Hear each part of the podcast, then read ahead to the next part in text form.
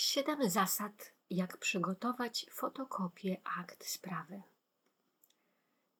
Siedzę nad skanami akt podesłanymi przez klienta i tak sobie przypomniałam moje siedzenie nad aktami w, sprawie, w czasie asesury. Przyznam się, bardzo to lubiłam.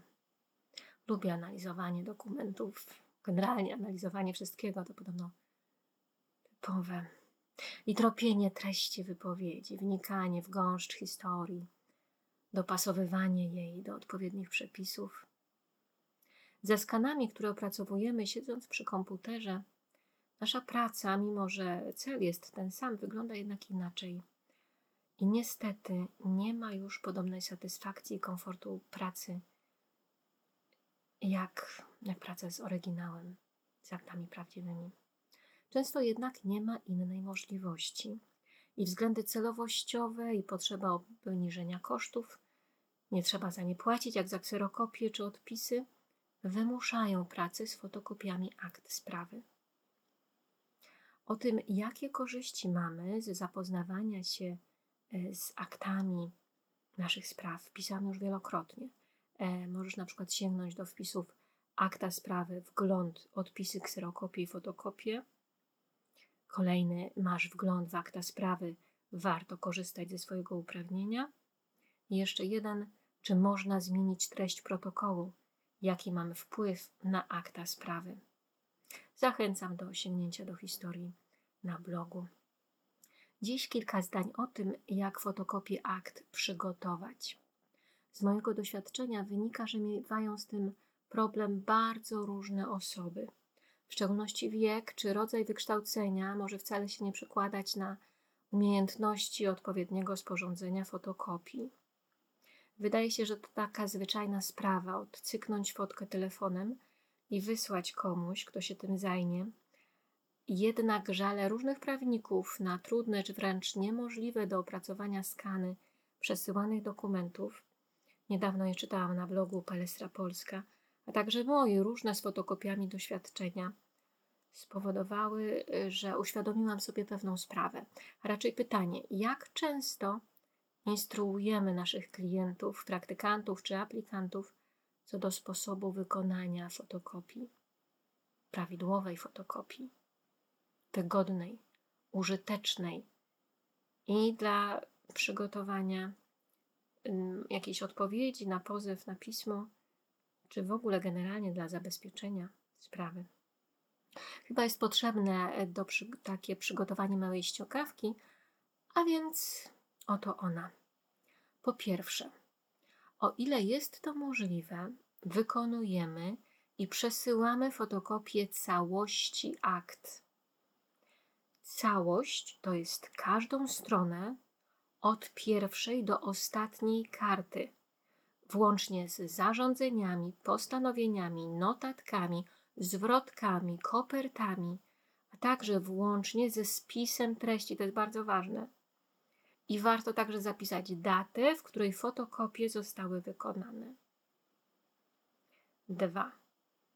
Jeżeli wykonujemy i przesyłamy jakiś konkretny dokument, na przykład opinię, wyrok, protokół z rozprawy czy posiedzenia, postanowienie itp., to także przesyłamy je w całości.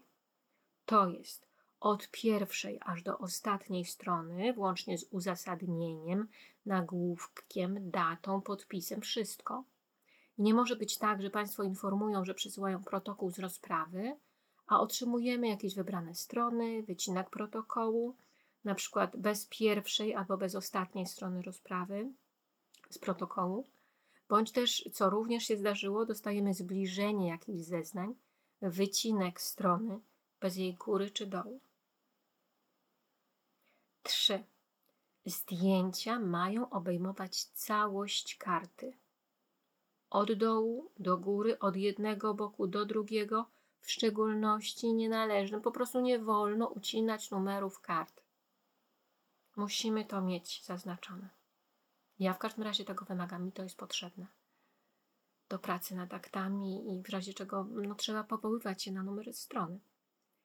4. Zdjęcia powinny być wyraźne. Warto starać się o dobre oświetlenie, czytelność. Nie wysyłać obrazu ciemnego, rozmazanego, zasłoniętego palcem itp. 5.